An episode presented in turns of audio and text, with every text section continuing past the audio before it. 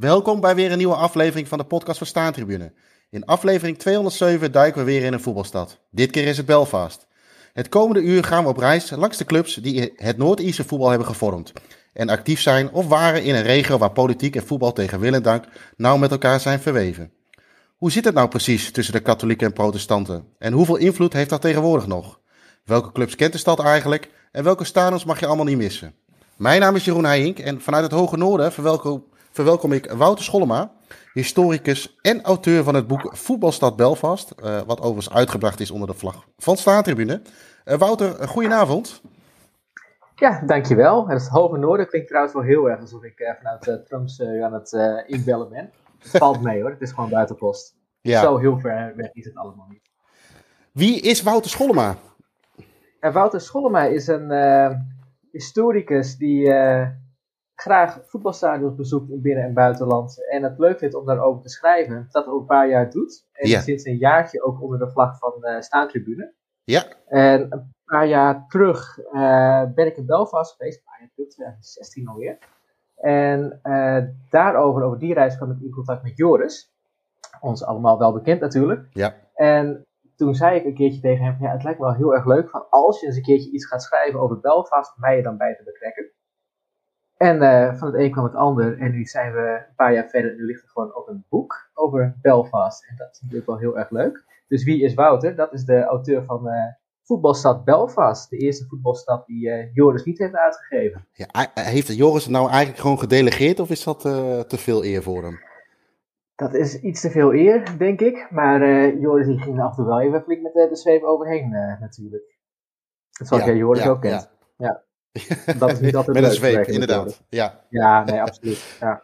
En mijn nuilen, okay, oh, wat heeft die Joris van uh, zwaar. Ja, ja, eens. Hey, en, maar, maar jij bent dus al van, van even los van, van, van dit boek en, en, en natuurlijk de stad Belfast.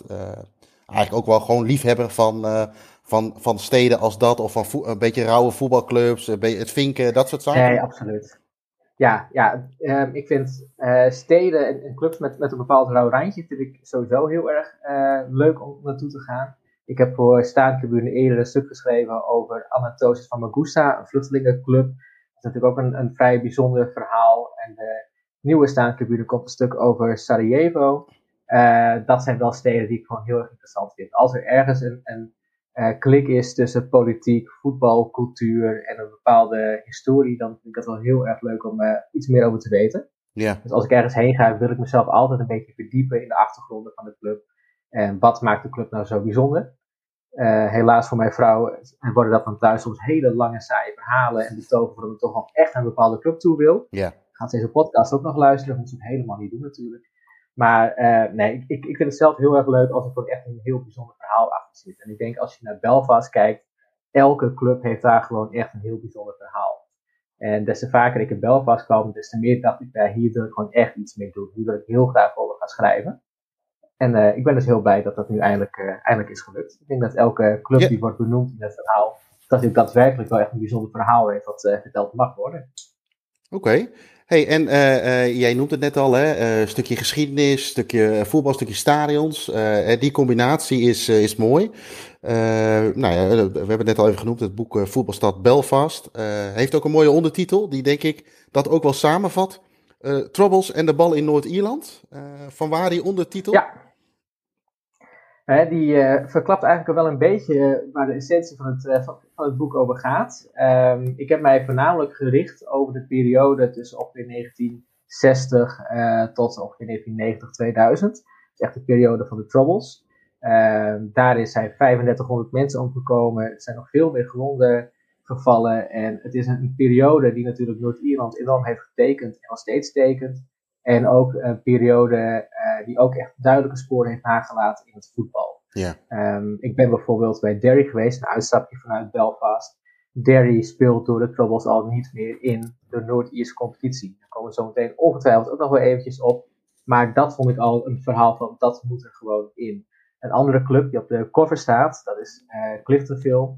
Dat was vroeger een protestantse club. En door de Troubles, doordat de katholieken uh, nieuwe huisvesting nodig hadden, zijn die allemaal gehuisvest in de straten rondom die protestantse club Cliftonville. En de protestanten zijn daarom weggetrokken. En nu is Cliftonville uh, plotseling een katholieke club geworden. Ja. En ehm, je ziet dus overal dat de troubles terugkomen in het, voetbal. En eigenlijk tot op de dag van vandaag. Ik ben er nog niet zo lang geleden bij een wedstrijd van Noord-Ierland geweest. En er werden ook twee spelers uit het team gezet, een katholiek en een protestant, omdat ze sectarische liedjes hadden gezongen, dan wel wat sectarische dingen hadden geroepen. Dus ook nu komen die troubles echt overal nog steeds terug. Oké. Hey, ehm, even misschien een stapje terug. Een stukje geschiedenis, een geschiedenisles. Ierland, Noord-Ierland. Ja, je noemde net al de troubles. Uh, in hoeverre kun je ons daar even terug meenemen uh, waar die basis eigenlijk een beetje ligt? Uh, nou, die basis ligt heel ver terug. Um, dat ga je nu vragen aan een historicus. Dus ik kan hier een hele saaie, hele lange podcast van maken. Dus laten we dat maar niet doen. Dus even heel erg kort door de bocht. Ja. Even in Jip en zeg maar. Even, een, ja, even Jip en even een slokje water nemen. Daarom ook. Uh, heel vroeger was Ierland een uh, onderdeel van uh, Groot-Brittannië of een Engeland, hoe je het maar wilt noemen. Um, Ierland was een katholiek land. Er kwamen uh, protestanten, voornamelijk vanuit Schotland, die kwamen het Ierse eiland binnen. Voornamelijk omdat er hele goede landbouwgrond was en ze konden dan heel veel geld verdienen in de landbouw. Later kwam er ook bij dat ze geld konden verdienen in de industrie. Die protestanten die hebben heel veel uh, macht gegrepen. Die hebben de katholieken een beetje weggezet als tweede rangs burgers. En die protestanten bleven een beetje hangen in het noorden. En de katholieken waren daar natuurlijk niet zo heel erg blij mee. Dat ze opeens protestanten hadden waarmee ze de macht moesten delen. Of helemaal geen macht meer hadden. En uiteindelijk is dat, uh, heeft dat ertoe geleid dat er een burgeroorlog kwam. In 1921 is, uh, 1922 is daar door uiteindelijk Ierland onafhankelijk geworden en is Noord-Ierland dus ook ontstaan. En Noord-Ierland is zo gevormd, een beetje met, met gerrymandering, dat alle uh, katholieke delen die gingen naar Ierland toe en de protestantse delen die bleven dan nog bij Noord-Ierland. Mhm. Waardoor Noord-Ierland uh, dus een, een, heel klein stukje werd met een duidelijke protestantse meerderheid, maar ook nog steeds met een aanzienlijke katholieke minderheid. En die katholieke minderheid die wil maar één ding en dat is aansluiting bij Ierland. En die Noord-Ieren, die protestanten, die willen maar één ding. En dat is echt bij Engeland blijven. Of bij Groot-Brittannië blijven. Ja, en, en, dat werkt gewoon niet. En je ziet uh, dat het eigenlijk constant in, in golfbeweging gaat. Soms is het een tijdje rustig. En daarna dan breekt de hel weer los. En de hel is eigenlijk heel goed losgebroken. Uh, toen in de jaren 60 de katholieken uh, naar hun uh, Amerikaanse evenknie iets meer vrijheden wilden. En die vrijheden kregen ze. Uh, je moet je eens voorstellen dat je bijvoorbeeld in Noord-Ierland had een protestantse volwassen man had stemrecht, volwassen vrouw ook. Katholieken daarentegen niet. Een katholiek kreeg alleen één stem per huishouden. Mm Alleen de katholieke gezinnen waren ook nog eens een keertje veel groter. Mhm. En daarbij was het ook nog zo ingekaderd dat als je protestant was en je had een huis in bezit, dan kreeg je ook nog voor dat huis nog extra stemrecht. Ja. Katholieken hadden daarentegen bijna geen huizen. Dus ze hadden bijna geen stemmen. Mm Protestanten konden dus eigenlijk doen wat ze wilden. Ja. En dat zorgde gewoon voor heel veel wrevel. Katholieken konden heel moeilijk banen vinden. Uh, er waren bijna geen universiteiten in de gebieden waar de katholieken in de meerderheid waren. En dat is uh, uit de hand gelopen. Er zijn uh, protestanten, er zijn grote demonstraties geweest. en die sneeuwbal is gewoon gaan rollen. Er werden tegenbewegingen opgericht door de protestanten. En uiteindelijk kom je dan uiteindelijk in de situatie terecht, uh, eind jaren 60, dat de troubles echt beginnen. En die troubles zijn begonnen in feite in Derry. En Derry komt ook steeds weer terug in mijn boek. Uh, omdat alles wat in Derry gebeurde uiteindelijk doorcijpelt naar Belfast. Okay. En in Derry had je in 1969 had je de Battle of the Bogside. De Bogside is uh, een katholieke wijk. Ehm, een beetje uh, aan de westkant van het centrum. En in die katholieke wijk uh, zeiden de uh, bewoners van wij gaan ons niet meer houden aan de wet van de protestanten. Wij zijn nu free dairy. En dat kun je ook nog steeds zien. Je, je hebt nog steeds dat hele grote huis waarop staat uh, you're now entering free dairy. Um, Daar is de politie uiteraard naar binnen gegaan. Dat zijn enorme rellen ge, geworden. Er zijn meerdere doden bijgevallen. daarna werd het onrustig in Belfast. En zo zijn de troubles uiteindelijk begonnen. En je krijgt dus steeds oog om oog, tand om tand. De hele tijd krijg je tegenreacties. En in 1972 ging dat helemaal goed mis toen je ook weer in Derry uh, Bloody Sunday had. Het was een vreedzame demonstratie voor meer uh, rechten voor de katholieken. En het enige wat het leger heeft gedaan is gewoon schieten op de demonstranten. En daarbij zijn ze voornamelijk gaan schieten op de demonstranten die mannelijk waren tussen de 18 en de 65 jaar. Oftewel mannen waarvan ze dachten van die kunnen wel eens bij de IRA, bij de terreurgroep uh, zitten. Of mogelijk daarbij komen. Dus die schieten er gewoon tussenuit. En uh, dat was misschien niet zo heel erg handig, want van dat moment werd het helemaal ongezellig in uh, Noord-Ierland. En dat heeft uiteindelijk geduurd tot 1998, toen er met uh, de Goede Vrijdagakkoorden vrede kwam. En die vrede behelst dan voornamelijk dat er een gezamenlijk parlement nu moet zijn, dat de katholieken en de protestanten ook de macht moeten gaan delen. Is alleen dat in Noord-Ierland niemand de macht wil delen. Voor groundhoppers daarentegen, laten we even een brugje maken naar voetbal voordat heel veel mensen afhaken nu. Voor groundhoppers is dat een heel groot voordeel, want uh, er ligt al jaren een gigantisch pakket klaar van 36 miljoen om de stadions te gaan renoveren. Alleen er moet wel iemand van het ministerie een klap opgeven en er is gewoon al jaren geen regering meer, want de katholieken en de protestanten worden het niet eens. Dus je ziet nu dat je bij Cliftonville, bij Glentoran nog hele mooie oude stadions hebt, Portadown ook. Um, en er gebeurt gewoon niks aan. En dat is natuurlijk wel heel fijn als je groundhopper bent. Dus als je echt dan een hele oude, smerige stadions wil, dan is Noord-Ierland is wel echt een fantastisch land. Hey, ik zat net even, dan sluiten we het eh, hoofdstukje geschiedenis even af. Uh, heel toevallig, uh, afgelopen januari stuitte ik op een film op Netflix. Belfast heet die, heel toepasselijk. dat gaat over gezinnen. Ik weet niet of je hem ook, ja, je zal hem vast gezien hebben. maar In zwart-wit was hij zelfs. Uh, ja, en die vond ik heel uh, typisch en mooi om uh, een bepaalde sfeer te krijgen. Er worden gezin gevolgd, er worden jonge jo jochie gevolgd hè, in de tijd van, ja, dat het onrustig is. En dat is misschien nog wel een mooie kijktip om een beetje een bepaald gevoel te krijgen hoe dat toen geweest moest zijn. was dat, klopte dat beeld ook een beetje met wat jij hebt onderzocht in jouw boek en met alles, alle geschiedenislessen die je erover hebt gehad?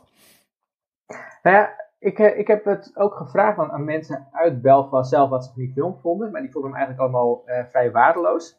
Um, oh. Als op buitenstaander okay. vond ik hem best aardig. Omdat yeah. het ook een beeld geeft dat ik wel heel erg leuk vond. Uh, of leuk, of interessant vond. Hoe de ouders hun best doen om de troubles bij de kinderen vandaan te Juist. houden. Dat je als kind maar gewoon een onbezorgde jeugd moet hebben. En je snapt niks van het conflict. Maar opeens zie je een politiebusje in je slaat stoppen. En die neemt iemand mee. Of het leger staat er opeens. En als ouders heb je er zoveel stress van en zoveel zorgen.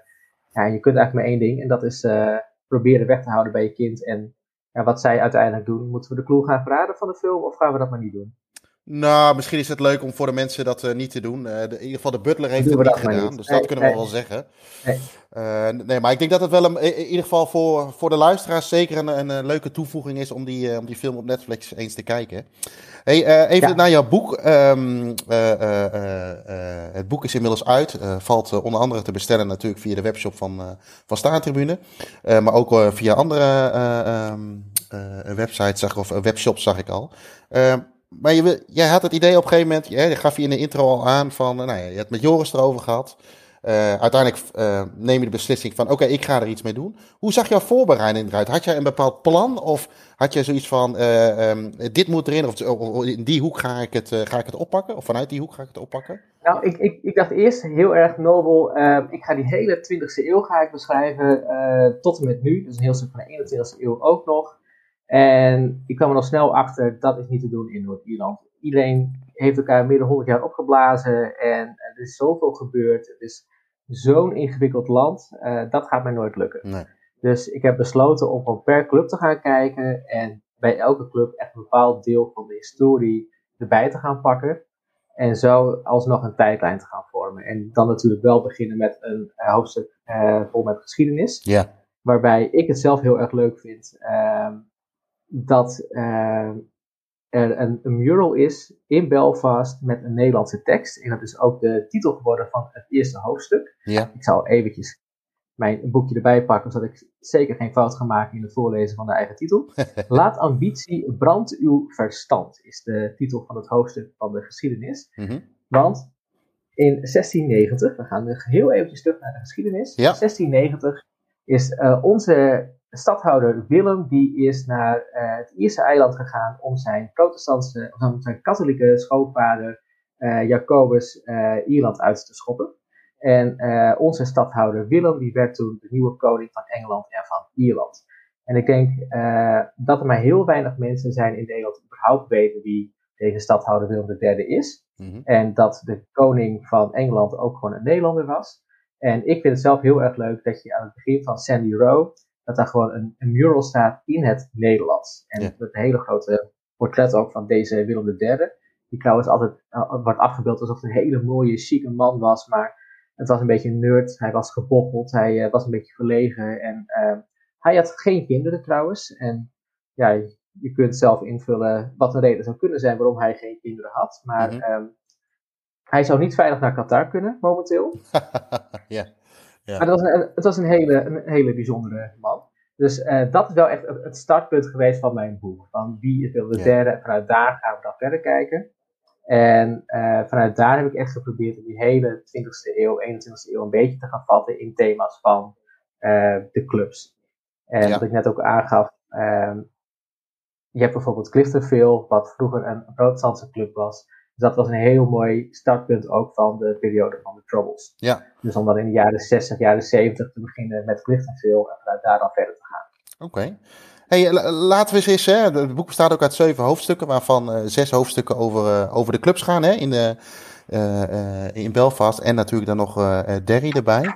Um, zullen we gewoon bij het begin beginnen? Jij noemt net Cliftonville, dat was een beetje jouw stad. Is, was dat ook, is dat ook de eerste club die je beschrijft? Of ga ik nu de hele inhoudsopgave nee, ik, ja, ja, ik, ik gooi zelf een beetje inhoudsopgave door elkaar natuurlijk. de eerste club die ik echt beschrijf, dat is Belfast Celtic. Ja. Belfast Celtic, dat is een grootmacht um, uit het Ierse voetbal die al jaren niet meer bestaat.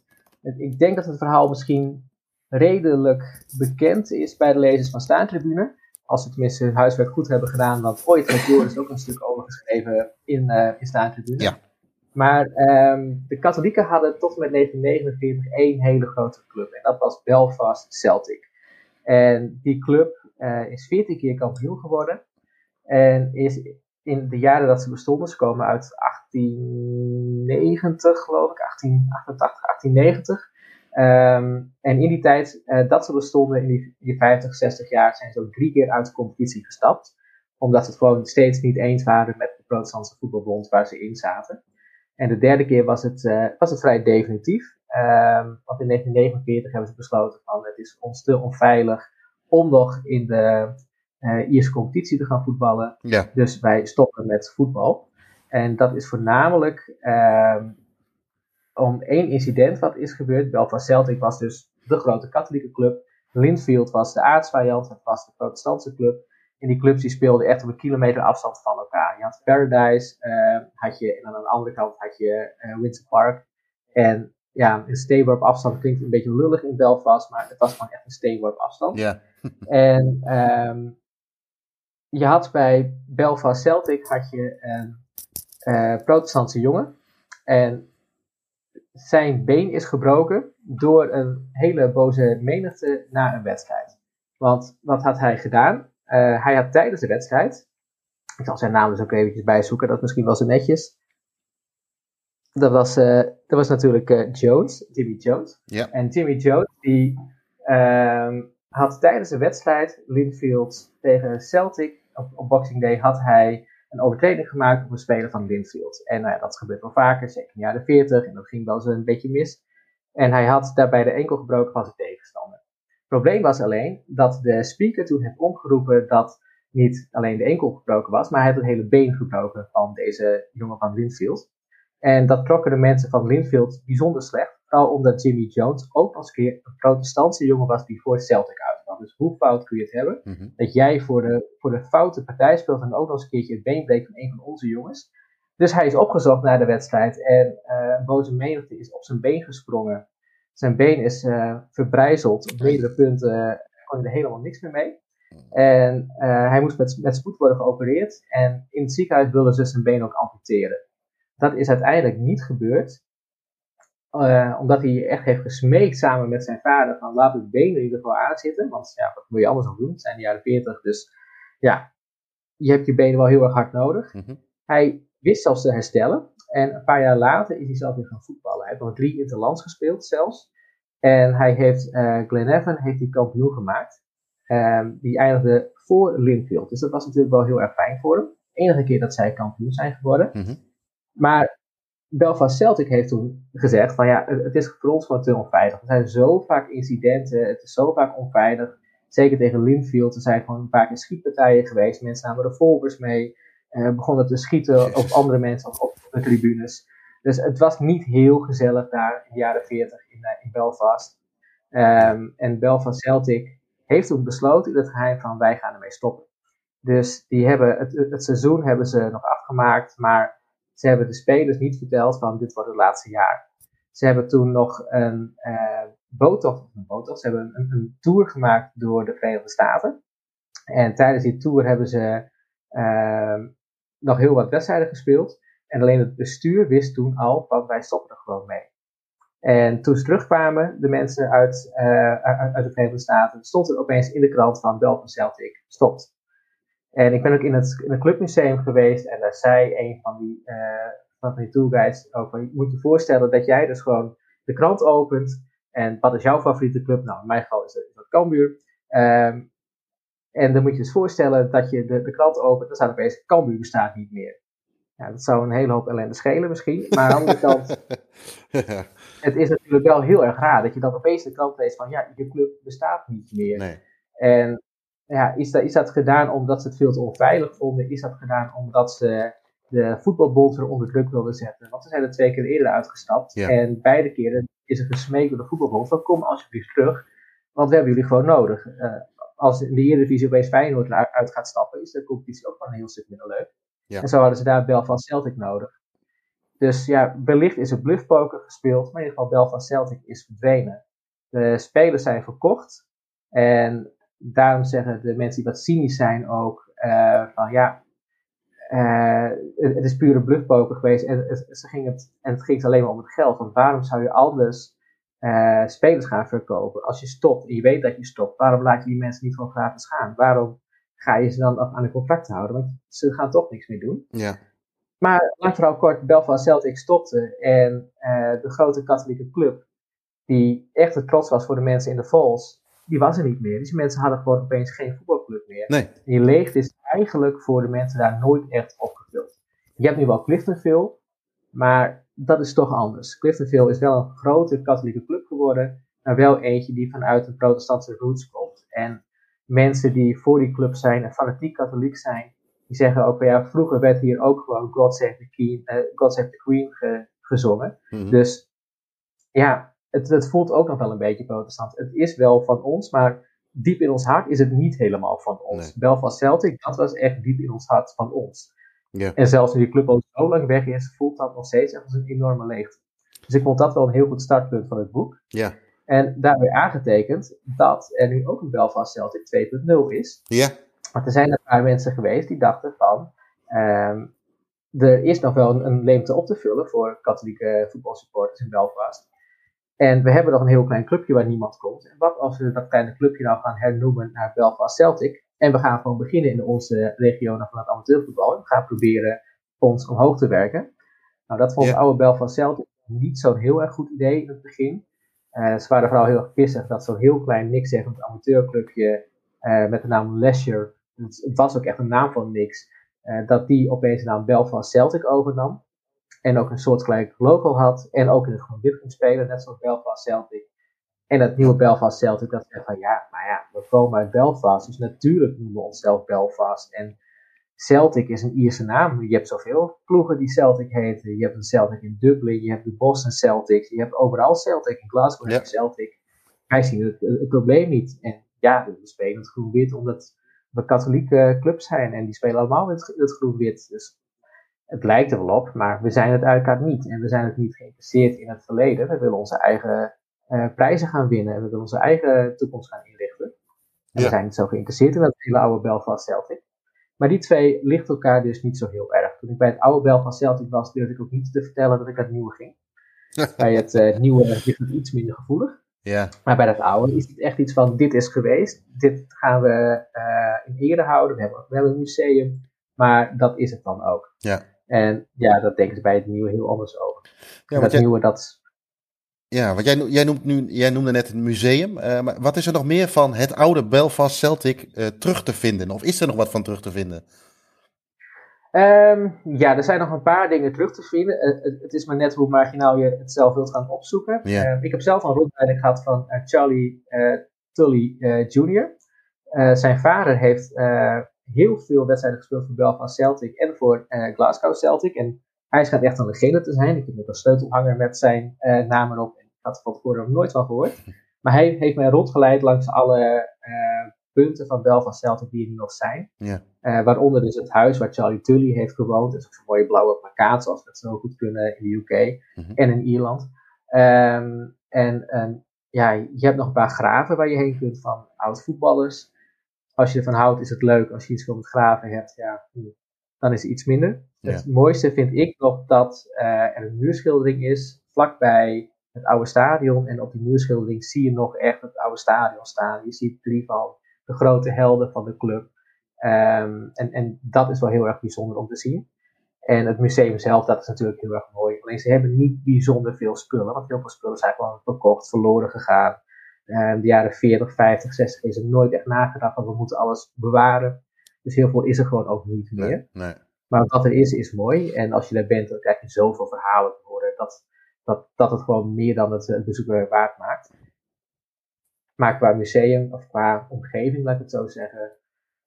Ja, ze hadden daar een heel mooi stadion. Dat stadion is afgebroken en nu is het echt een godsgruwelijk lelijk winkelcentrum geworden. ik zie je zuchten, ik zie je zuchten. ja, het is echt lelijk. Het is echt verschrikkelijk. Ja. Uh, je bent wel eens in Luton geweest, denk ja. ik. En heb je ook, ook zo'n vreselijk winkelcentrum. Dat het gewoon alle levensvreugde uit je trekt. Nou, Ja. daar, daar hebben ze een kopie van uh, weten te bouwen in Belfast. Oké. Een Dus wat vroeger zo'n heel mooi oud stadion stond, Ja. is nu zo'n TL-buizen ellende geworden. Echt lelijk. Ja. En uh, heeft dan, heeft dan natuurlijk ook weer wat. Oké, uh, nou ja, goed. Het is misschien wel, uh, is wel een mooie, mooie start ook voor de, voor de mensen die dat, die geschiedenis niet weten en dat wat dingetjes terug kunnen zien. Um, even, wellicht even door naar de volgende. Als ik aan Belfast denk, denk ik in eerste instantie, en ik denk velen met mij aan één ding. En dat is Glentoran en de Oval. Uh, ik zie achter ja. jou aan de muur een shirtje hangen van een van de Nederlanders die bij Glentoran gespeeld heeft. Elvio van Overbeek, als ik het goed zie. Uh, ja, ik, ik ga even... ja, ja, inderdaad, nummer 33. Um, ja, wat, wat voor club ik, ik, ik, moet het even anders zeggen. Even een eigen, eigen uh, sausje eroverheen. Ik ben twee, drie keer in Belfast geweest. De eerste keer dat ik er was, was uiteraard om de Oval te gaan uh, bekijken. Glentoran Linfield. En ja, ik, ik, het, het, ja, ik kan één woord fantastisch. Het stadion natuurlijk, maar ook de ontvangst, warm ontvangst toen de tijd. Maar wat voor club is Glentoran eigenlijk, in, in jouw ogen? Nou, Glentoran is een hele bijzondere club met een hele bijzondere geschiedenis vooral. Uh, ik, ik zeg altijd dat als je naar Glentoran gaat, dat je een, een reis maakt door de hele 20e eeuw. Het stadion, dat, dat is verschrikkelijk oud. Dat, dat dondert bijna uit elkaar. Ja. Je hebt daar nog die hele oude hoofdtribune uit uh, de jaren 50. Ik denk dat, dat het ook het meest bekende stadion wel is uh, voor de luisteraars van staantribune en voor de lezers uiteraard. Um, maar het, het, het, is gewoon zo'n bijzonder stadion ik, vond het al, al heel erg gaaf om naar het stadion toe te lopen. Dat je al die muurschilderingen ziet. Je, je loopt eerst langs de muurschilderingen van de Titanic. Daarna krijg je de Freedom Corner, waar alle Kalashnikovs je aanwijzen. En de echt Freedom Corner vind ik dat ook niet heel erg. Je merkt gewoon dat je in een heel erg protestants gebied bent daar. En als je dan naar het stadion gaat, dan is het opeens ongelooflijk warm en welkom. Ja. En dat is een totale tegenstelling van hoe eigenlijk die wijk eromheen overkomt op het eerste gezicht. Ik ben nu redelijk veel geweest en het beeld is wel een beetje veranderd.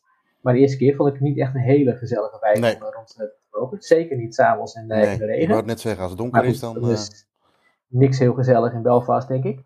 Maar het, het, het, is gewoon een hele bijzondere club. En ze zijn er ongelooflijk trots ook dat ze de eerste Europese bekerwinnaars zijn. Ze hebben in 1914 de Vienna Cup gewonnen ik moet zeggen dat, en daar heb ik het ook wel met Joris over gehad, uh, dat wij niet helemaal duidelijk krijgen wat nou die beker waard is. Uh, bij Glentoran zelf is het verhaal, en het verhaal klopt uiteraard ook wel, ze zijn uitgenodigd uh, door een organisator uit Wenen om uh, te gaan voetballen in 1914 in Berlijn, in Praag en in Wenen. En aan het einde van het verhaal spelen ze finale tegen een uh, gemeenteclub uit Wenen.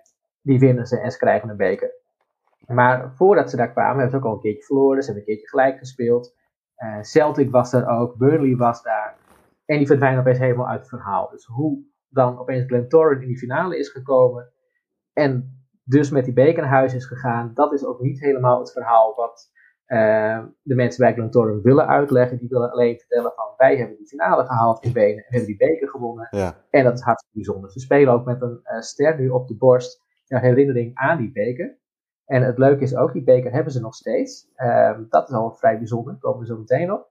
Maar um, die beker staat nu in het uh, FIFA Museum in Zurich. Die is vorige week is hij daarheen verhuisd. En okay. voor een jaar staat hij daar nu in het museum. Dus ook de FIFA vindt het een heel bijzonder iets. En dat verhaal is natuurlijk ook wel bijzonder, want 1914, toen zij die beker wonnen, was gewoon uh, vlak voor het uitbreken van de Eerste Wereldoorlog in Oostenrijk-Hongarije ook Ja. nog, is die finale gespeeld. Een land wat natuurlijk helemaal uit elkaar is gedonderd. Ja. En waar ook uh, de hele Eerste Wereldoorlog is begonnen met de moord op de kroonprins. En uh, ja, vanuit daar is, is de hele Eerste Wereldoorlog uh, gestart. Dan moet ik uitkijken dat ik niet weer enorm ga uitweiden en de laatste luisteraars ook afhaken. Nee hoor. Maar het is gewoon een heel bijzonder verhaal. Ook, ook als je nu vanuit Belfast naar Wenen zou gaan. Het, het is een vlucht van anderhalf, twee uur en je bent er. Toen zijn ze gewoon drie dagen onderweg geweest. Eerst met uh, de trein naar Lard en dan met de boot naar ergens in Engeland. Dan weer met de boot naar Vlissingen.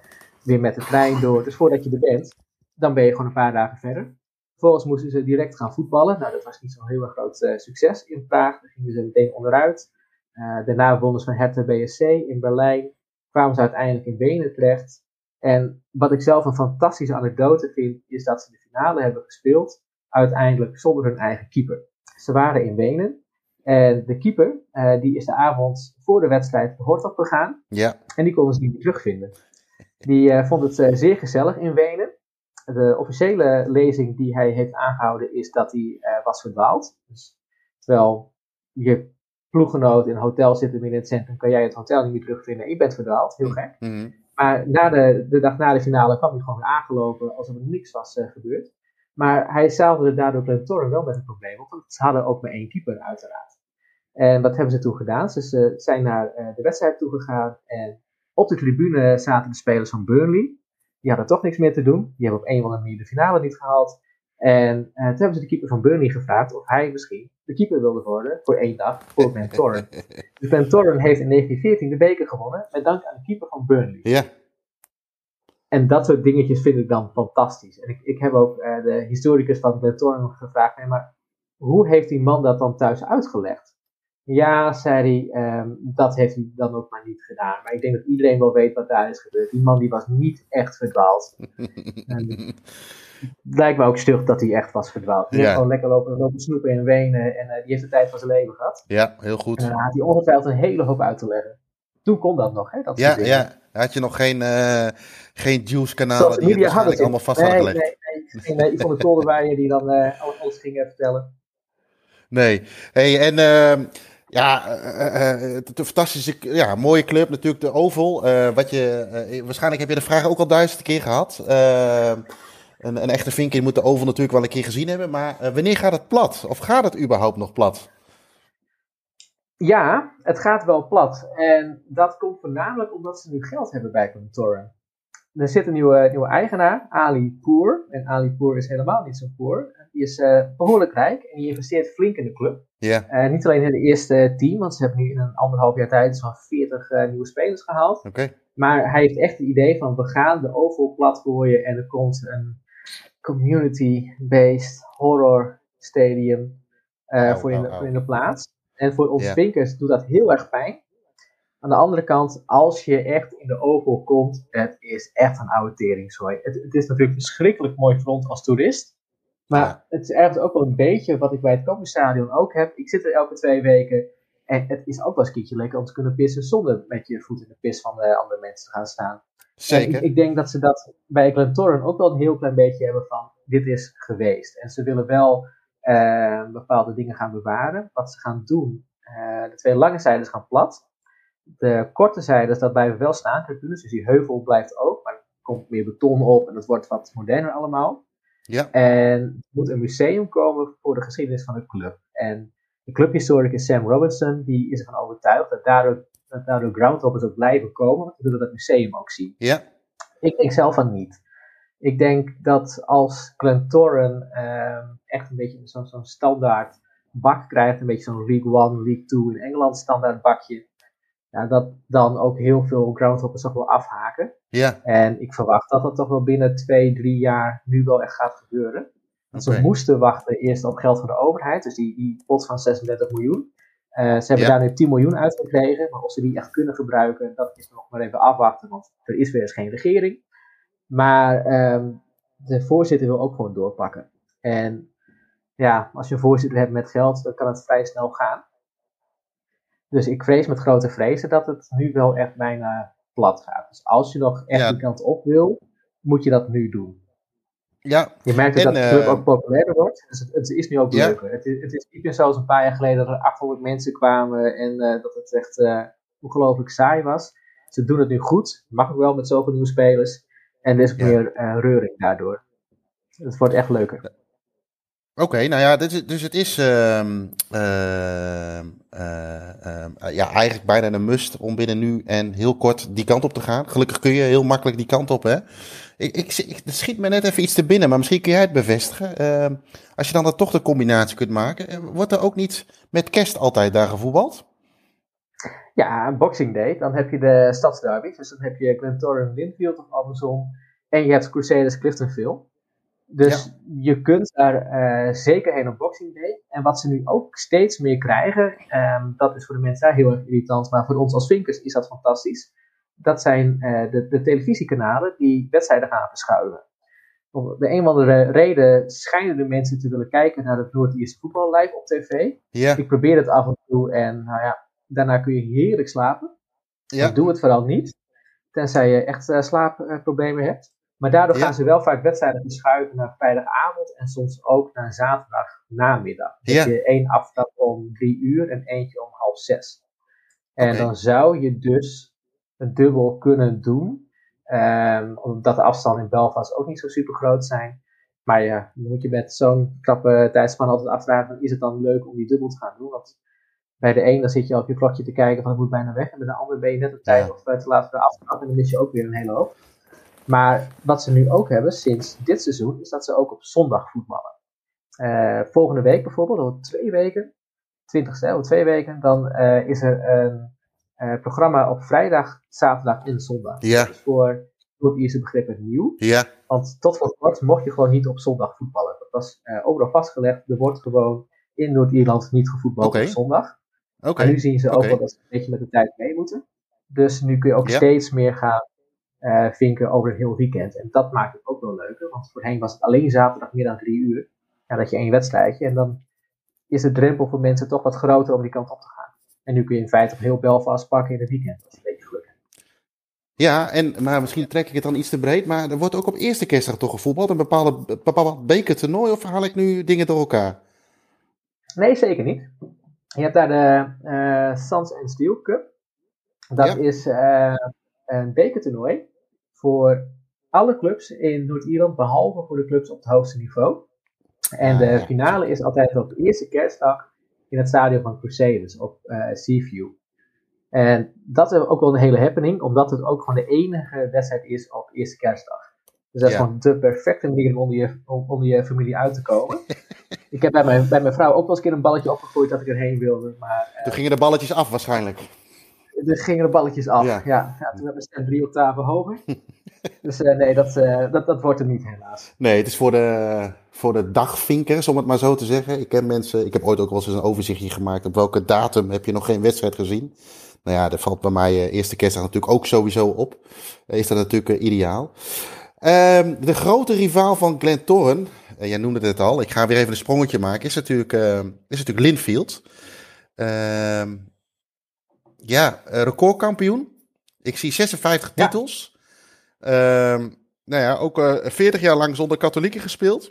En ja, als ik waar dan denk, dan moet ik ook meteen een beetje aan Reentjes denken. Misschien komt dat door het blauw, maar ook het, eh, het protestantse. Zit daar een bepaalde link in? Of is dat te makkelijk gedacht? Nou, die link die is er wel, maar die link tussen Rangers en Belfast en, en, ook Celtic, die is eigenlijk iets, iets breder.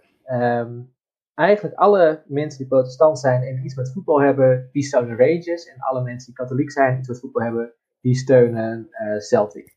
Ja. Dus ik heb uh, jongens gesproken die voor Rangers zijn en bij Linfield komen, maar ook jongens van Crusaders met een, een seizoenskaart bij Rangers. En elke twee weken naar Glasgow vliegen of met de boot gaan om naar de thuiszijde van de Rangers mee te pakken. Ja. Dus die link is er wel. En je ziet ook in die wijk van Linfield dat er meer muurschilderingen zijn van Rangers dan van Linfield. En wat ze uh, vorig jaar beide heel erg leuk vonden, was dat ze in hetzelfde jaar voor de 55ste keer kampioen werden. Alleen zie je dat wel overal van Rangers terugkomen in Belfast, maar niet van Linfield. Dus dat is ook wel een beetje bijzonder.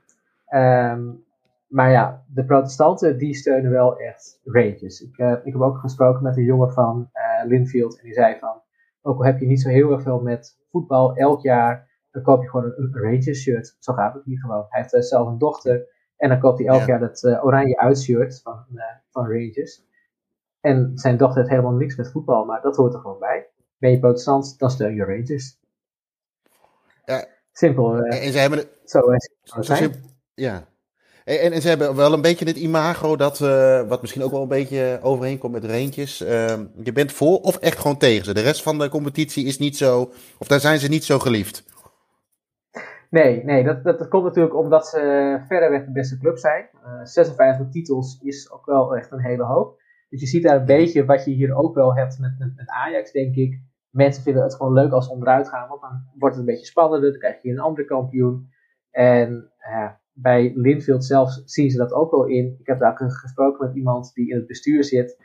En die zei van, wij kunnen ook niet zo heel erg veel aan doen dat wij gewoon veel beter zijn dan de rest. En moeten wij dan een keertje geen kampioen worden? Wij, wij snappen ook wel dat, dat mensen eh, die sprookjes het mooist vinden. Maar ja, wij gaan niet zeggen tegen onze spelers van, uh, schiet dit, uh, dit jaar de ballen maar even op de paal. Want dan kan iemand, iemand anders kampioen worden. Het is gewoon zoals het is. Linfield is ook de enige club, heb ik het idee, met echt support in het hele land. Alle andere clubs zijn veel meer lokaal. En Linfield supporters die zitten in heel Noord-Ierland. Alleen vinden ze de weg naar het stadion niet echt. Er zit gemiddeld zo'n 2500 man bij de wedstrijden. En op Winter Park dan er 18.000 in. Dus sfeertechnisch is het een enorme grafstemming. Ja. En ik vind Linfield daardoor ook de minst leuke van de vier in Belfast om naartoe te gaan. Qua verhalen en qua verleden is het heel erg interessant. Maar qua stadion, het is gewoon ja, alsof je naar een lege Ikea-bak gaat. dus het is allemaal niet zo heel erg spannend. Maar wat je, wat je net aangaf over uh, eh, 40 jaar geen katholieken, uh, dat is natuurlijk wel echt iets waar zij ook wel last van hebben gehad. Uh, Linfield wil geen protestantse club zijn. Linfield wil een club zijn voor iedereen. Alleen je wordt ook uh, slachtoffer van de, de situatie waar je in zit. En wij zijn heel makkelijk, denk ik, om vanuit onze veilige stoel andere mensen te gaan veroordelen dat zij iets niet goed doen. Mhm. Alleen in Belfast had je nou eenmaal de situatie met protestantse wijken, katholieke wijken. En je kon niet zomaar overheen. Je ging overal spelers vandaan halen. Want stel je was katholiek en je ging naar uh, Linfield toe om te spelen. Dat betekende dus ook dat je familie kon worden bedreigd, dat je je baan zou verliezen en dat je zou moeten verhuizen. Ja. En dat je vrienden zou uh, kwijtraken.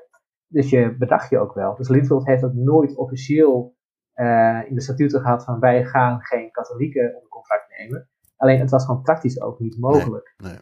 En um, in de jaren negentig is er toen een interview geweest met de toenmalige trainer, Boyer. En die heeft gezegd tegen een, een, een fanzin, een, een blad van de supporters daar bij Linfield van ik zie het niet gebeuren dat wij op korte termijn een katholieke speler aantrekken. En hij gaf dus ook aan als argument van we willen het heel graag, alleen waar zadelen we deze katholieke jongen mee op? Ja. Moet je dit wel willen? En hij wilde daarmee de discussie een beetje aanzwengelen. Maar ja, alle cancel cultuur die je toen had, die eh, kwam op Linfield af en, uh, op, het, en op Noord-Ierland. Ja. Um, maar het heeft er wel toe geleid dat uh, een paar jaar later er wel degelijk een katholieke jongen vanuit Ierland uh, dan wel naar Linfield kwam. En die jongen die deed het hartstikke goed. En vanuit daar zijn er steeds meer katholieken ook naar Linfield gekomen. En in 2011 hebben ze zelfs ook eerst een katholieke aanvoerder gehad. Oh ja, okay. Het hele sectarische is ook wel een beetje weg. En ik denk als je nu als ja, een ruilbewuste uh, voetbaltoerist die kant opgaat, dat je heel erg bedrogen uitkomt. Want zoveel gebeurt er niet meer. Linfield is ook heel erg actief bezig geweest om iedereen uh, die ook maar iets riep, iets deed, het stadion uit te gaan schoppen. Ja. Kaartprijzen zijn omhoog gegaan. Uh, ze zijn met heel veel acties bezig uh, geweest om echt ervoor te zorgen dat al die sectarische gezangen van de tribunes afgingen. Dus Linfield is nu eigenlijk best wel een, een saaie club geworden. Ja. Waar het natuurlijk voorheen niet was. Ja, in een, in een wat saai, saai stadion, zoals je omschrijft. Een heel saai stadion, ja. En dat was dus vroeger niet zo. Het was een heel mooi stadion. Ja. En, en ook qua, um, ja, qua verhalen, er is wel heel veel gebeurd. Linfield heeft ook nog uh, een paar keer Europees moeten spelen in Haarlem. Ja. Ik... Um, omdat ze uh, voor enorme rellen hebben gezorgd uh, in 1979 in Dundalk. Dundalk is een uh, Ierse stad op de grens met, met Noord-Ierland. En Dundalk is eigenlijk een, een oord waar heel veel uh, IRA-leden zitten. En, en, en, mensen die uh, aanslagen plegen, die zaten in Dundalk, die staken aan de grens over plegen aanslagen, die gingen dan weer terug. Dus die waren nogal pro-katholiek. En dan moet je spelen als hele pro-katholieke club tegen Linfield, een hele pro-protestantse club. Ja. En dan ook nog eens een keertje een paar dagen nadat Lord Mountbatten was opgeblazen door de IRA, dus de, de trouwensman van uh, de uh, Engelse koningin. En ook een paar dagen nadat uh, vlakbij Dundalk, bij Warren Point, 21 militairen zijn opgeblazen door de IRA. Dus het was al een enorme spanning. En die wedstrijd hadden ze natuurlijk nooit door moeten laten gaan. Dat zal vandaag de dag ook niet meer gaan gebeuren. Nee. Maar destijds, in de jaren 70, waren ze nog iets naïver daarin. Die wedstrijd is wel doorgegaan. Ja, dat werd gewoon een enorme veldslag. Uh, spelers die, die durfden gewoon niet, niet een ingooi te nemen, want dan moesten ze bukken voor de stenen. Uh, ik sprak een, een, een, jongen, die was een jaar of 16, 17. Die mocht eigenlijk niet van zijn ouders, die ging stiekem wel. En die kwam terug zonder voortanden. En dan heb je wel wat uit te leggen aan je ouders. Dat is ja. ouders niet zo heel erg leuk. Nee. Maar dat is gewoon een gigantische veldslag geworden.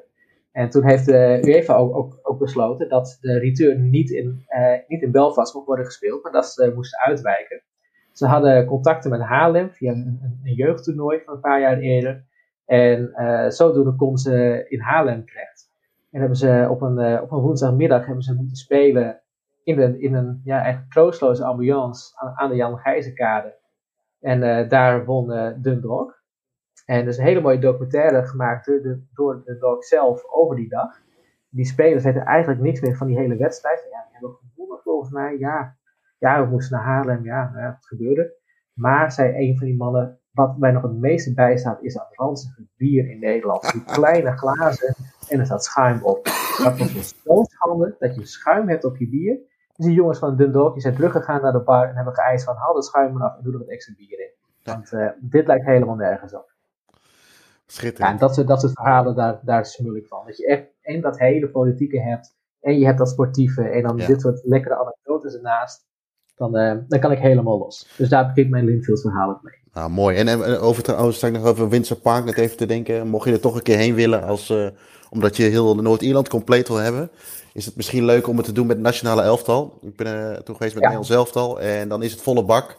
Dan is er ook wat reuring om het stadion heen en ook in het stadion. Ik vond ze overigens, uh, tenminste de tribune waar ik op zat, vond ik ze vrij fanatiek. ook richting de eigen ploeg, maar ook vooral richting, in dit geval, de tegenstander.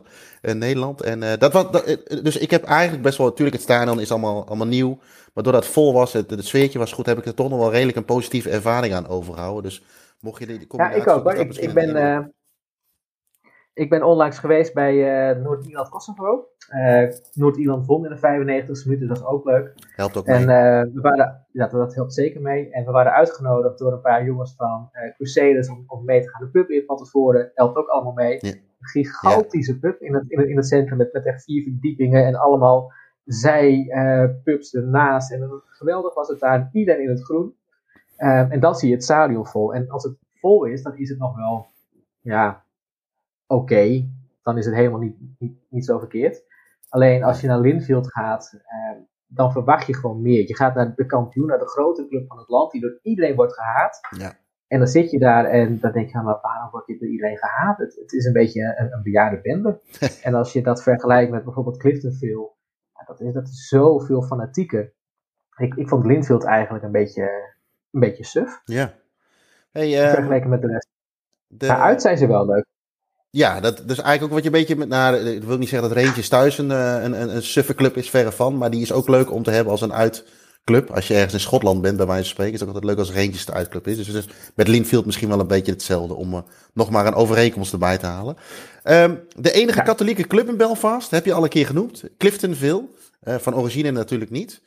Um, uh, je hebt al een beetje uitgelegd waar dat, waar dat vandaan kwam. Hè? Dat ze eerst protestants waren en daarna katholiek. Uh, maar als je bijvoorbeeld eventjes voor de stadionswaffelaars... Ehm, nog zo'n pareltje, denk ik, of niet, in, in Belfast, naast de Oval? Ja, ik denk dat deze een beetje, een beetje onderschat wordt ook. Ehm, mensen die naar Belfast gaan, die gaan vaak direct naar de Oval en terecht.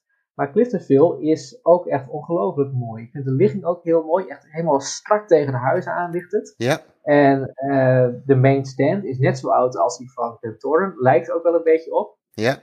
Met één verschil. Deze is nog slechter onderhouden dan die bij Glentoran. ja. Er zit asbest in het dak. Er zit uh, betonrot. De, de, de, planten groeien overal doorheen. Dus je hebt een, een hele mooie oude tribune met twee lagen. Ja. Alleen de bovenste laag mogen ze niet meer gebruiken. Want het staat gewoon echt op instorten. En ja, dat, dat maakt het al wel heel erg mooi. Je hebt in de, in de hoek heb je een dit huis staan, een beetje zoals bij Craven Cottage. Dat is ook al lang dicht. Er, zit nog een hamburger tent in een heel klein hoekje van dat gebouw. Maar verder doen ze niet meer zoveel mee. Klopt. Omdat het ook gewoon slecht onderhouden is. Um, maar dat geeft het wel een heel bijzonder cachet. Omdat je die, die, hele oude tribune hebt. Je, hebt. je hebt dat witte huisje ernaast. Achter de goal heb je een hele moderne tribune. En als je op die oude tribune staat, dan kijk je echt heel erg mooi op de heuvels heen van, van Belfast. Ja, dat, dat totaalplaatje klopt ook gewoon. Net zoals bij Belfast, bij uh, Glentoran. Uh, als je daar ook op de tribune zit, dan, dan zit je gewoon meer te kijken naar, naar, naar alles achter je dan, dan te kijken naar wat op het veld gebeurt. Ja. En dat is ook een reden natuurlijk, want wat er op het veld gebeurt is nooit zo heel erg spannend. Maar die hele backdrop, uh, zowel bij Glentoran als bij Cliftonville, is gewoon echt fantastisch. Ja, en, en allebei, ook zowel bij de Oval als uh, of bij Glentoran als bij Cliftonville, ook in het stadion, allebei een hele leuke social club. Uh, dusdanig gezellig, zelfs bij dat ik bij de Oval tegen Glentoran tegen Linfield de tweede helft gewoon vanuit die social club alleen maar gekeken heb. ja, ook, ook alles piept, kraakt, oud, en, en, maar wel allemaal heel warm. En, en ja, ja. denk zoals wij voetbalromantici dat graag, graag zien. Um, ja, en daarom denk ik ook dat het niet zo heel erg handig is als je daarvoor een dubbel gaat doen. Ik zag ook op Twitter iemand vanavond die uh, stuurde mij een bericht of het te doen is om eerst naar Cliftonfield te gaan en daarna door te gaan naar Linfield. Nou ja, A, denk ik dat Linfield behoorlijk saai is, dus die kun je links laten liggen, mm -hmm. tenzij je echt niks anders te doen hebt.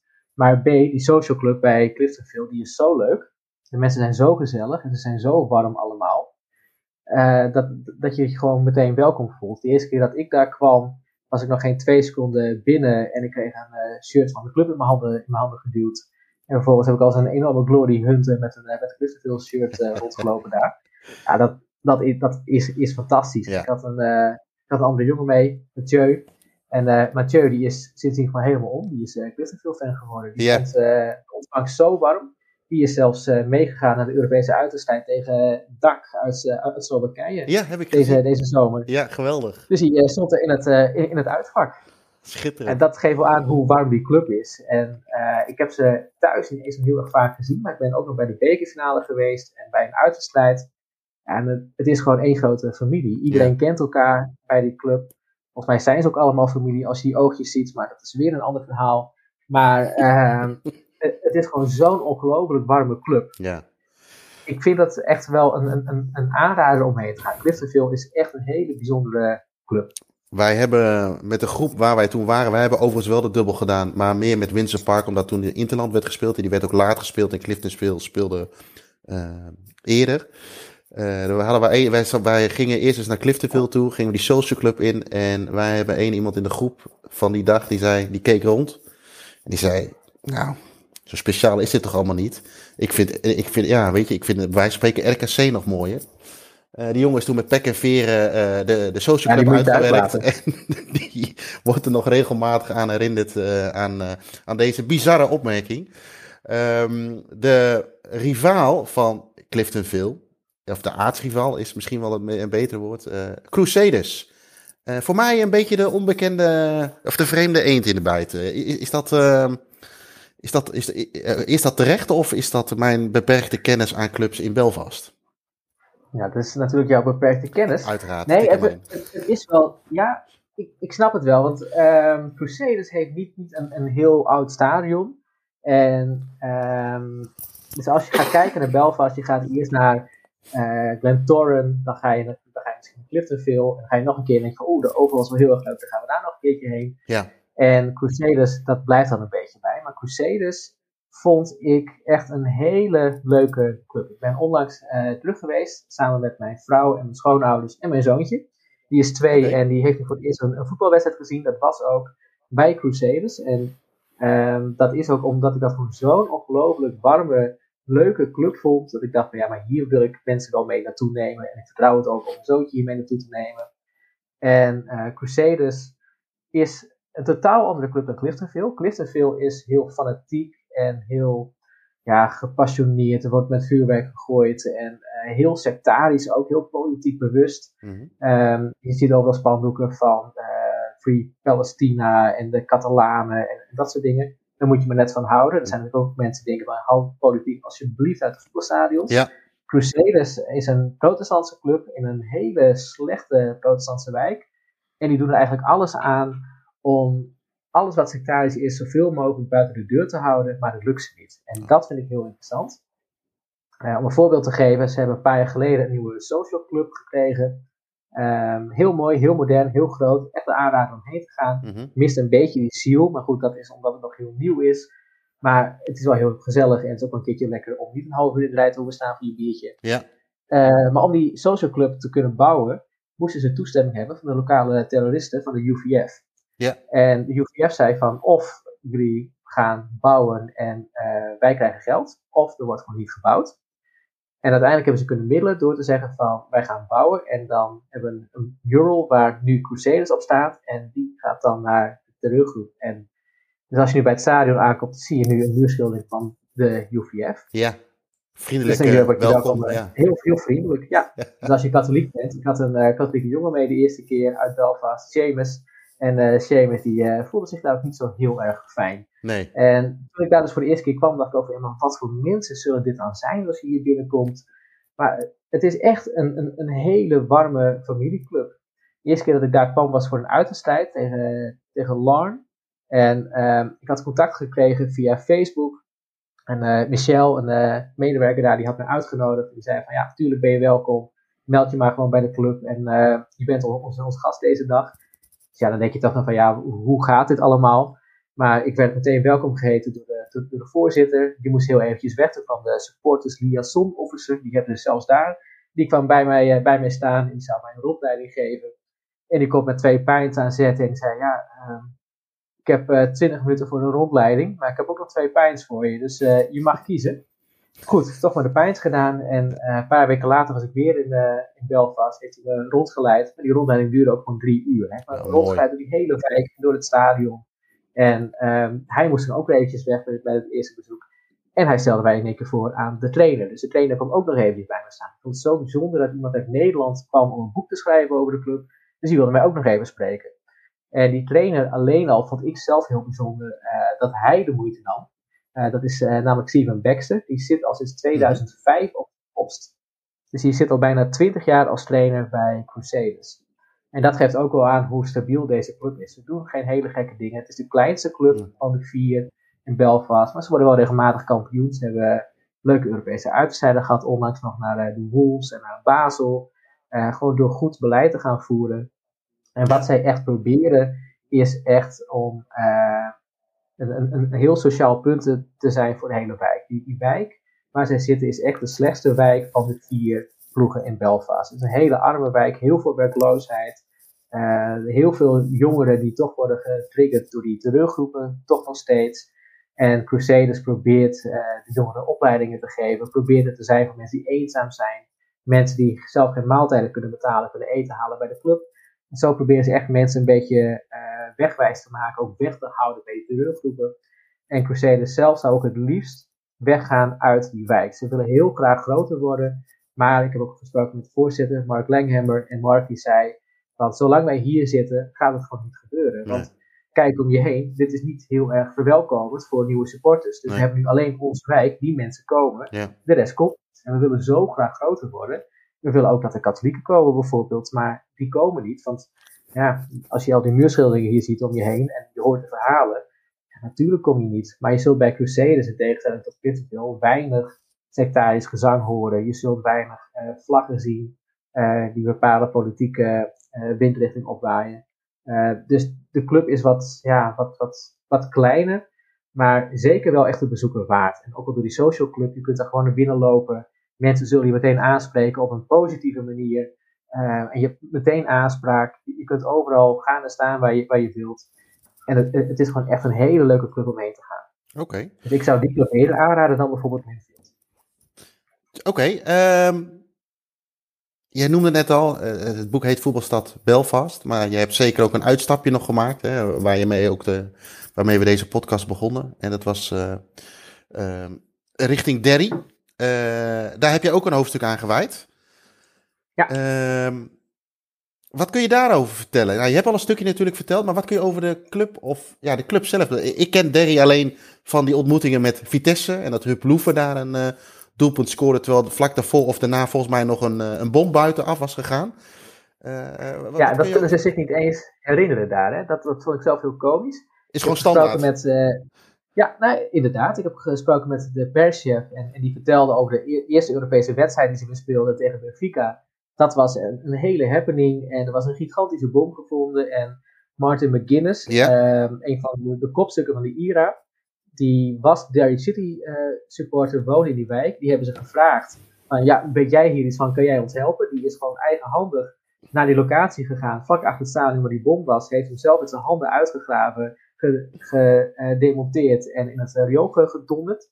Uh, en, en, en dat was dus echt een paar uur voor die wedstrijd tegen Benfica. Dus ik ja. dat Sven Göran Eriksson al op het veld stond. En ondertussen was uh, de, de, lokale terreurleider nog een, een bom onschadelijk aan het maken. Uh, en, en daarna speelden ze ook tegen Vitesse een paar jaar later. En de, daar is dus ook echt een bom afgegaan. En dat kun je ook wel horen op de beelden. Ja. Maar in Derry is er niemand die dat nog weet. Dat was wat jij ook al zei van ja, ja dat soort dingen gebeuren zo vaak. Dat, uh, ja, die, die perschef die wist dat allemaal niet meer. Nee. Benfica wel, maar Vitesse, nee. Ja, scheringen in En nou, dat deed jij die offers. Ja hoor. Maar Jerry is natuurlijk wel een, een heel bijzonder verhaal. Uh, ik heb er ook eerder over geschreven voor Staantribune. En een van de reacties die ik meteen kreeg was... waarom schrijf je over Derry en niet over London Derry? Dat geeft ook al meteen aan hoe gevoelig dit ligt. Um, katholieken zeggen Derry, protestanten zeggen London Derry. Vroeger heette de stad uh, Derry, toen in 1690 Willem van Oranje, of van Oranje, Willem III, uh, de stad heeft, heeft ingenomen. Uh, uiteindelijk kregen ze het prefix Londen ervoor om te laten zien van we horen nu bij Londen. Dus de protestanten gebruiken Londonderry, de katholieken gebruiken Derry. Ja. En um, als je dus Derry zegt of Londonderry, is het al bijna alsof je partij kiest. Ja, wat ik net zeggen, ja. In mijn boek was het partij kiezen. Alleen Derry speelt in een hele katholieke wijk, in de Boxside, vlakbij de boxsite. En de club heet ook Derry City. Dus ik vond het een beetje bijzonder om dan Londonderry te gaan gebruiken. Dus ik heb in mijn boek gewoon gekozen voor Derry. Alleen het kaartje aan het begin van het boek staat wel Derry slash Londonderry. Want ja, dat is een beetje de, meer de officiële benaming. Uh, maar dat, dat geeft dus ook wel aan, aan hoe gevoelig alles ligt in die stad. En Derry is twee derde katholiek, een derde is protestants ongeveer. Ja. En die een derde minderheid, die had dus alle macht omdat het kiesstelsel zo was, was gebouwd dat je als katholieke macht had. Dus alle notabelen, alle agenten, uh, de burgemeester, iedereen was protestant. En de katholieken zaten in hun kleine shithuisjes, uh, konden geen goede woonhuizen, geen, geen goede woonvesting krijgen. Ze konden geen goede banen krijgen. Uh, ze zaten op elkaar gepropt. Ja, en vroeg of later gaat het natuurlijk gewoon tegen je werken. Ehm, dat heeft uiteindelijk ook geleid tot, tot dus die uh, demonstraties en uiteindelijk ook tot, tot Free Derry en uh, de Battle of the Box Side en, en Bloody Sunday. En uh, vlakbij Bloody Sunday, vlakbij de Boxside, daar speelde dus Derry op, op Brandywell. Ja. En Derry was gewoon een club in een Noord-Ierse competitie. Maar het probleem was een beetje dat, omdat zij dus echt in zo'n katholieke wijk zaten waar zoveel aan de hand was, dat die ploeg uit Belfast dacht van ja, maar hier gaan we niet meer heen. En dat het ook voor Derry vaak niet veilig was om naar Belfast te gaan. Uh, zeker de wedstrijden tegen Linfield. Linfield had toen natuurlijk heel veel sectarische supporters. Linfield zat in, een, in, een, uh, in, in Zuid-Belfast, in een heel fanatiek protestants gebied. In een, in een tijd dat geweld gewoon echt de norm was, ook in Noord-Ierland. Dus als die twee tegen elkaar moesten, dan liep dat gewoon altijd uit de klauwen. Mm En er waren steeds meer clubs die zeiden van wij gaan niet meer voetballen in Derry. Wij, wij doen dat gewoon niet. Het is te onveilig voor ons. Ja. En op een gegeven moment in 1971 uh, is er zelfs een bus van uh, spelers van, van Bellimina. Die is in de fik gezet uh, bij het stadion van Derry. Dus tijdens de wedstrijd is er jeugd het stadion ingekomen. Die hebben die bus meegenomen en die hebben die bus in de fik gezet. Omdat ze gewoon alles gingen gebruiken als blokkades. Nou, dat was natuurlijk voor heel veel ploegen het teken om te zeggen van wij doen het niet meer. Wij gaan niet meer voetballen in Derry. Het is gewoon te gevaarlijk, we stoppen ermee. Ja. Terwijl bij Derry uh, iedereen zei ja maar dat ze, die, dat ze die bus hebben gepakt, dat is gewoon, ja, net als die bom tegen Vitesse, another day at the office hier, dat soort dingen gebeuren hier. Ja. Waarom kun je nou, nou niet gaan voetballen? Ze hebben toch die spelers niet, niet begrijpen. Die spelers zijn toch wel hartstikke veilig. Wat is nou precies het, het hele probleem? Maar goed, de, uh, de clubs die wilden dus niet meer. Uiteindelijk is er een stemming geweest van, mogen zij nog voetballen op, op Brandywell, hun eigen stadion? Um, met één stem verschil is er gezegd van het mag niet. Uh, ze moesten uitwijken toen naar uh, Coleraine. En Coleraine is een heel uh, protestant stadje. Het is ongeveer 30 kilometer verderop, een beetje naar het, het, het noordoosten. Ja. En Coleraine ook de stad waar het Britse leger zat. Dus het Britse leger wat dan steeds naar Derry ging, die zaten voornamelijk ook echt in Coleraine. Dus Derry heeft daar een tijdje gevoetbald. Er kwam natuurlijk helemaal niemand op die wedstrijden af. En ze hebben heel snel gezegd van ja, dit doen we niet meer. We gaan of terug naar Brandywell, of we stoppen er gewoon mee. En dan gaan we wel kijken hoe het gaat. Uh, dus in 73 hebben ze gezegd van, van we gaan gewoon niet meer. We stoppen ermee, we staan uit de competitie. Dus net zoals Belfast Celtic heeft gedaan in 1949. En uh, daarna hebben ze elk jaar weer geprobeerd om terug te komen in de Noord-Ierse competitie. Maar zeiden van wij willen alleen terug als wij op ons eigen Brandywell mogen spelen. Nou, dat mocht niet. Um, en uiteindelijk hebben ze gedacht van ja, als we nou niet in Noord-Ierland mogen spelen, mogen we dan misschien in de Ierse competitie gaan spelen. Ja. De FIFA was daar niet echt een voorstander van, want die vinden dat je alleen mag voetballen in het land waar je vandaan komt. Uh, bovendien waren ze ook uh, bang om een president te gaan scheppen, dat er meer clubs zouden zijn die dan toch naar uh, een andere competitie zouden willen overstappen. Denk bijvoorbeeld aan Spanje, waar het ook altijd een beetje gevoelig kan liggen. Ja. Uiteindelijk hebben ze toestemming gekregen, maar wel echt als enige club. Is meteen gezegd van jullie zijn de enige club die toestemming gaat krijgen om in de Ierse competitie te gaan voetballen. Dus ze kregen die, die, die toestemming. En um, voordat ze die toestemming kregen, hebben ze enorm moeten, moeten hielen moeten netwerken. En ze hebben ook een, een, een wedstrijdje gehouden uh, uh, tegen Shamrock Rovers in 1984. En ze dachten van ja, in, in Derry de voetballen wel mensen op straat. Dus er zijn wel mensen die voetbal leuk vinden. En nu gebeurt er gewoon niks. Brandywell wordt, werd nog gebruikt voor hondenraces, maar verder gebeurt er helemaal niks met het stadion. Laten we eens kijken of er interesse is voor voetbal. En als dat zo is, dan gaan we daarna weer terug naar de FIFA. Dan laten we zien van kijk, mensen willen gewoon voetbal kijken hier. En ze hoopten met die wedstrijd tegen Shamrock van een paar honderd mensen, dan gaat het wel best wel lekker. Maar uiteindelijk waren er 8000 mensen bij die wedstrijd. Mensen stonden gewoon straten verderop uh, te wachten voordat ze binnen mochten. Het was een gigantisch succes voor uh, Derry. En met uh, dat bericht zijn ze teruggegaan naar de voetbalbond in Dublin en naar de FIFA en naar de UEFA. En uiteindelijk is dus gezegd van ja, jullie mogen nu in Ierland voetballen. Moesten ze instromen op het tweede niveau in, in Ierland. Yeah. werden ze meteen kampioen. En ze namen echt gigantisch veel mensen mee. Je, je moet je ook echt voorstellen, in Derry destijds was gewoon helemaal niks. Als je jong was, je had, je had gewoon niks. Als je uit Derry kwam, dan dacht iedereen nog van, oh, nou dan heb je er eentje uit Derry. Dus je stond niet zo heel erg goed op. En die voetbalwedstrijden, dat werden gewoon schoolreisjes. Iedereen wilde mee met Derry. Iedereen was trots op de club. Het was het enige echt wat, wat positief was uit Derry. Ja. ze hebben een wedstrijd gespeeld uh, uit bij Cork City in de beker. Er zijn gewoon treinen uh, vol afgeladen naar, naar, naar, Cork City gegaan. En Cork is een behoorlijk eind verderop. Ze verloren wel met 1-0. Maar dat maakt ze helemaal niks uit. Ze hadden weer iets om trots op te zijn. En uiteindelijk zijn ze zelfs vier jaar nadat ze in de Ierse competitie zijn gekomen, zijn ze kampioen geworden. Maar daar ze dus ook tegen Benfica mochten spelen. Ja. En inmiddels zijn ze weer een faillissement verder, een degradatie en weet ik wel wat allemaal. Maar de club bestaat nog en ze zijn dit seizoen tweede geworden. De competitie is deze week afgelopen. En ze staan dit weekend in de bekerfinale. Dus de club leeft echt.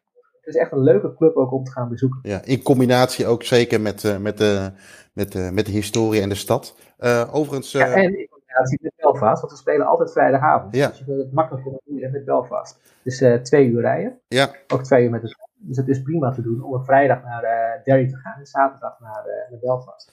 Nou ja, dat is misschien ook wel een mooi bruggetje naar. Uh, je hebt nu de, de, de Clubs Plus Derry ehm, besproken. even, we hebben ook een tweetje erop losgelaten op, op Twitter van: Goh, zijn er nog wat vragen? Voor, met name natuurlijk voor jou over, over dit onderwerp. En ehm, één ding wat veel terugkwam, wat onder andere een Thomas, een, een Gosling en een Nelis hebben geroepen, is van: Nou ja, wat is nou uh, een mooi weekendje Belfast of valt het bijvoorbeeld goed te combineren met, uh, uh, met een andere stad? Ik zou zelf wel heel snel denken aan een Dublin. Dublin, Belfast kun je natuurlijk al wel maken. Maar jij zegt nu eigenlijk ook wel van nou, misschien moet je Dublin, nou niet zozeer ten opzichte van Dublin, maar een combinatie Belfast-Derry is heel goed te maken. Ja, en, en de Ierse competitie speelt natuurlijk altijd thuis op vrijdagavond. Dus de combinatie Dublin of de combinatie uh, Derry is heel makkelijk te maken met Belfast. Ja. Maar als je echt het, het, het Noord-Ierland gevoel wilt krijgen, of het noorden van Ierland, het is ook al een heel gevoelig politiek iets natuurlijk, of je Noord-Ierland zegt. Ja. Maar als je het, het Noord-Iers gevoel, gevoel wilt hebben, uh, dan zou die combinatie echt gaan doen met, met, met Derry. Derry is echt het bezoeken waard. En juist omdat het heel afgelegen is, heeft het ook een hele bijzondere vibe. Het is echt heel bijzonder om heen te gaan. En, en, dus ik zou het eerder aanraden dan Dublin. Ja, en, en je die, uh, hoe, heet die, hoe noemen ze die weg daar bovenin met al die rots? Uh, stel dat je nog, toch nog een stukje... Uh, Giants Causeway. Die zocht ik. Uh, dan valt het ook nog te mooi te combineren. En inderdaad, wat je terecht zegt, de afstanden zijn te verwaarlozen. Zeker als je een, een auto, auto huurt. Um, ja, misschien heb je het net al wel een beetje genoemd, maar wat zou de ideale reis, wat is voor jou de ideale reis, tip of trip naar Belfast slash Noord-Ierland? Is dat, is dat dan deze combinatie? Um, of hoe zou jouw ideale weekendje Belfast eruit zien? Zal ik, laat ik hem eens zo vragen. Hoe ziet jouw ideale weekendje Belfast eruit? Nou, een ideaal weekend Belfast moet je niet helemaal vol gaan plannen met voetbal. Je moet, um, als je Belfast wilt begrijpen, moet je ook de tijd nemen om rond te gaan lopen in de wijken.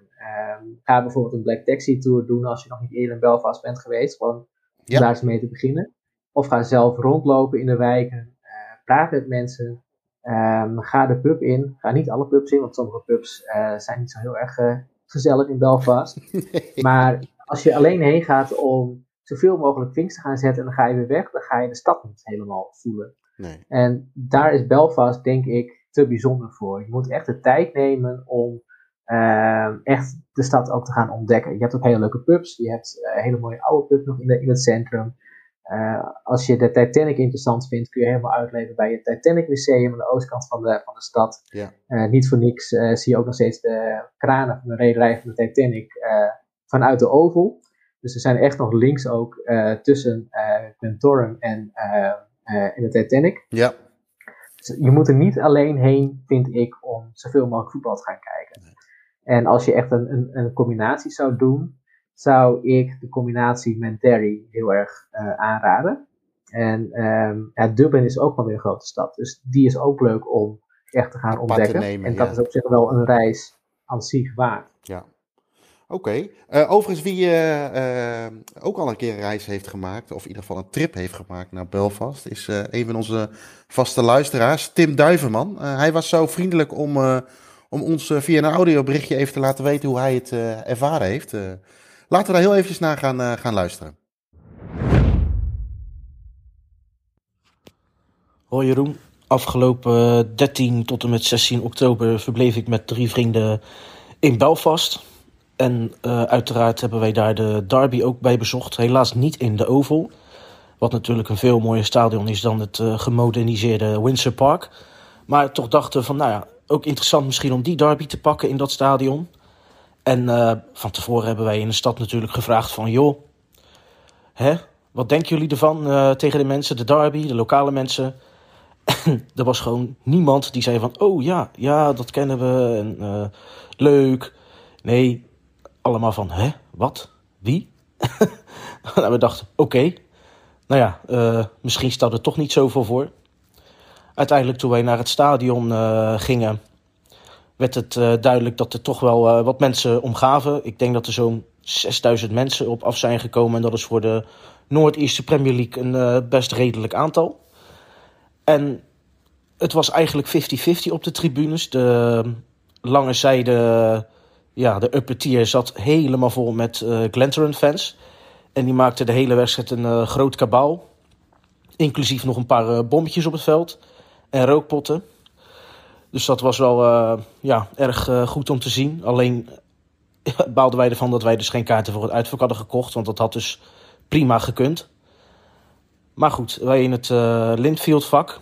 En nou, daar zaten wat, heel veel ja, kids, jongeren ja, en, en oudere mensen. En die maakten ook wat sfeer. Maar dat was bij lange, la, lange na niet zo goed als, als de gasten van Glentoran. Nou, de wedstrijd uh, begon. En uh, je zag meteen wat ze eigenlijk in de Engelse lagere divisies altijd zien.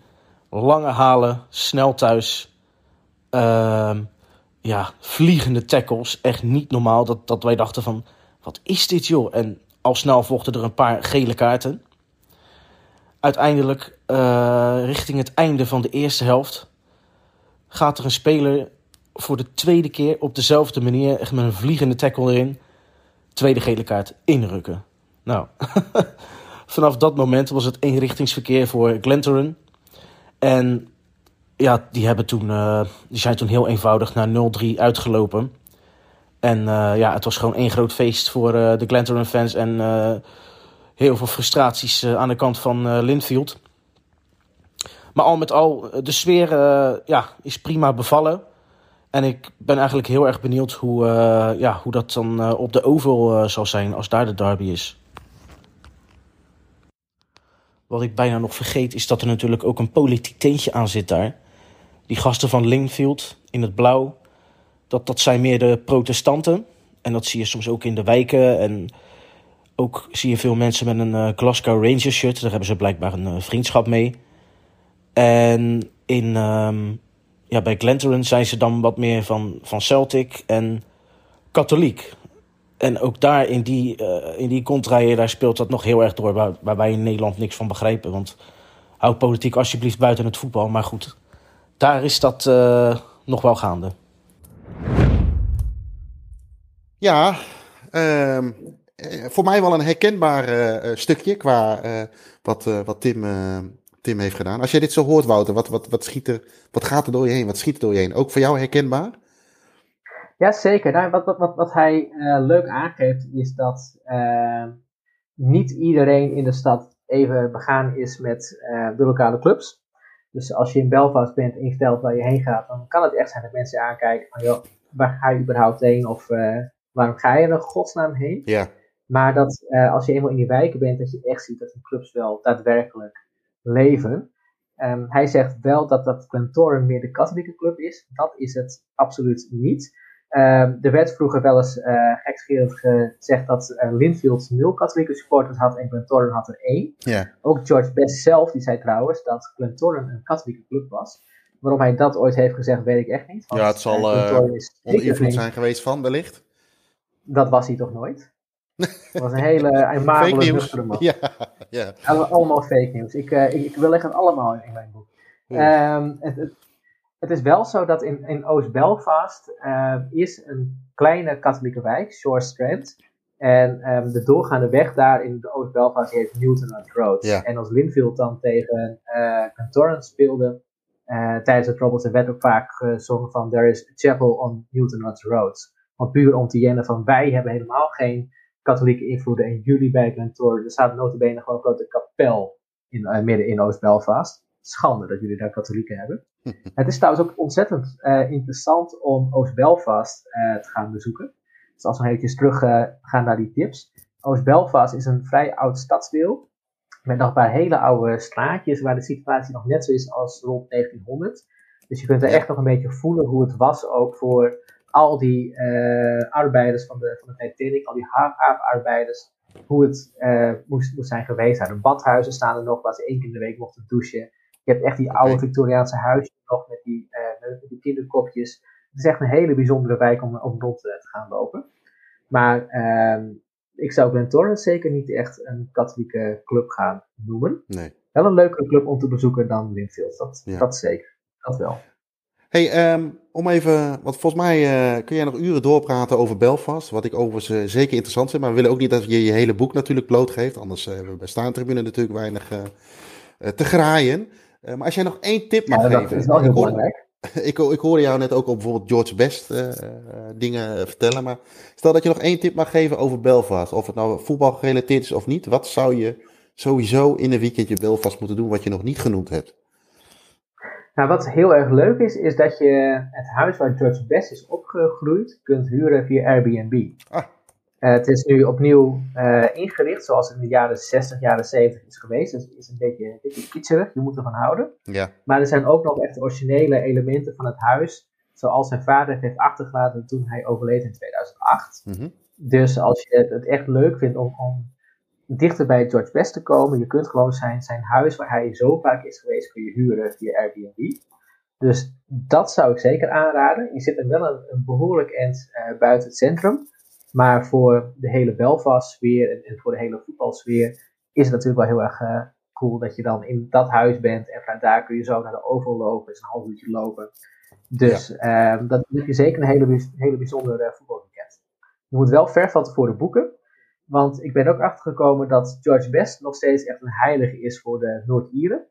Um, ik, ik, ben één keer bij dat huis weer uh, geweest, omdat ik wel contact had met de verhuurder.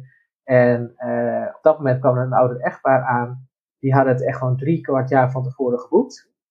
Via hun dochter. En die waren helemaal onder de indruk van. Maar dit is de bank waar George op heeft gezeten. En oh, dus keek je ook naar deze hoek, keek je naar de tv. En deze deurpost heeft hij aangeraakt. En deze wc. Oh, wat is dit fantastisch allemaal. Oh, dat lijkt me en, wel en zo kijkt mensen naar. Dus ja, die, die wc. Ja, ik, ik heb gewoon dezelfde wc gezeten als George Best. Dat, dat kunnen niet veel mensen zeggen. ik heb niet op dezelfde kamer geslapen trouwens. Want ja, Joris die uh, moest de kamer weer... Ja, die, uh, hij zat weer op hè. Als, uh, Ja, schrikkelijk. Ik ben de baas, ik bepaal. Ja, Ja, dat is echt heel ja. raar. dictatuur staantribune. Ja, absoluut. Ja. Ja.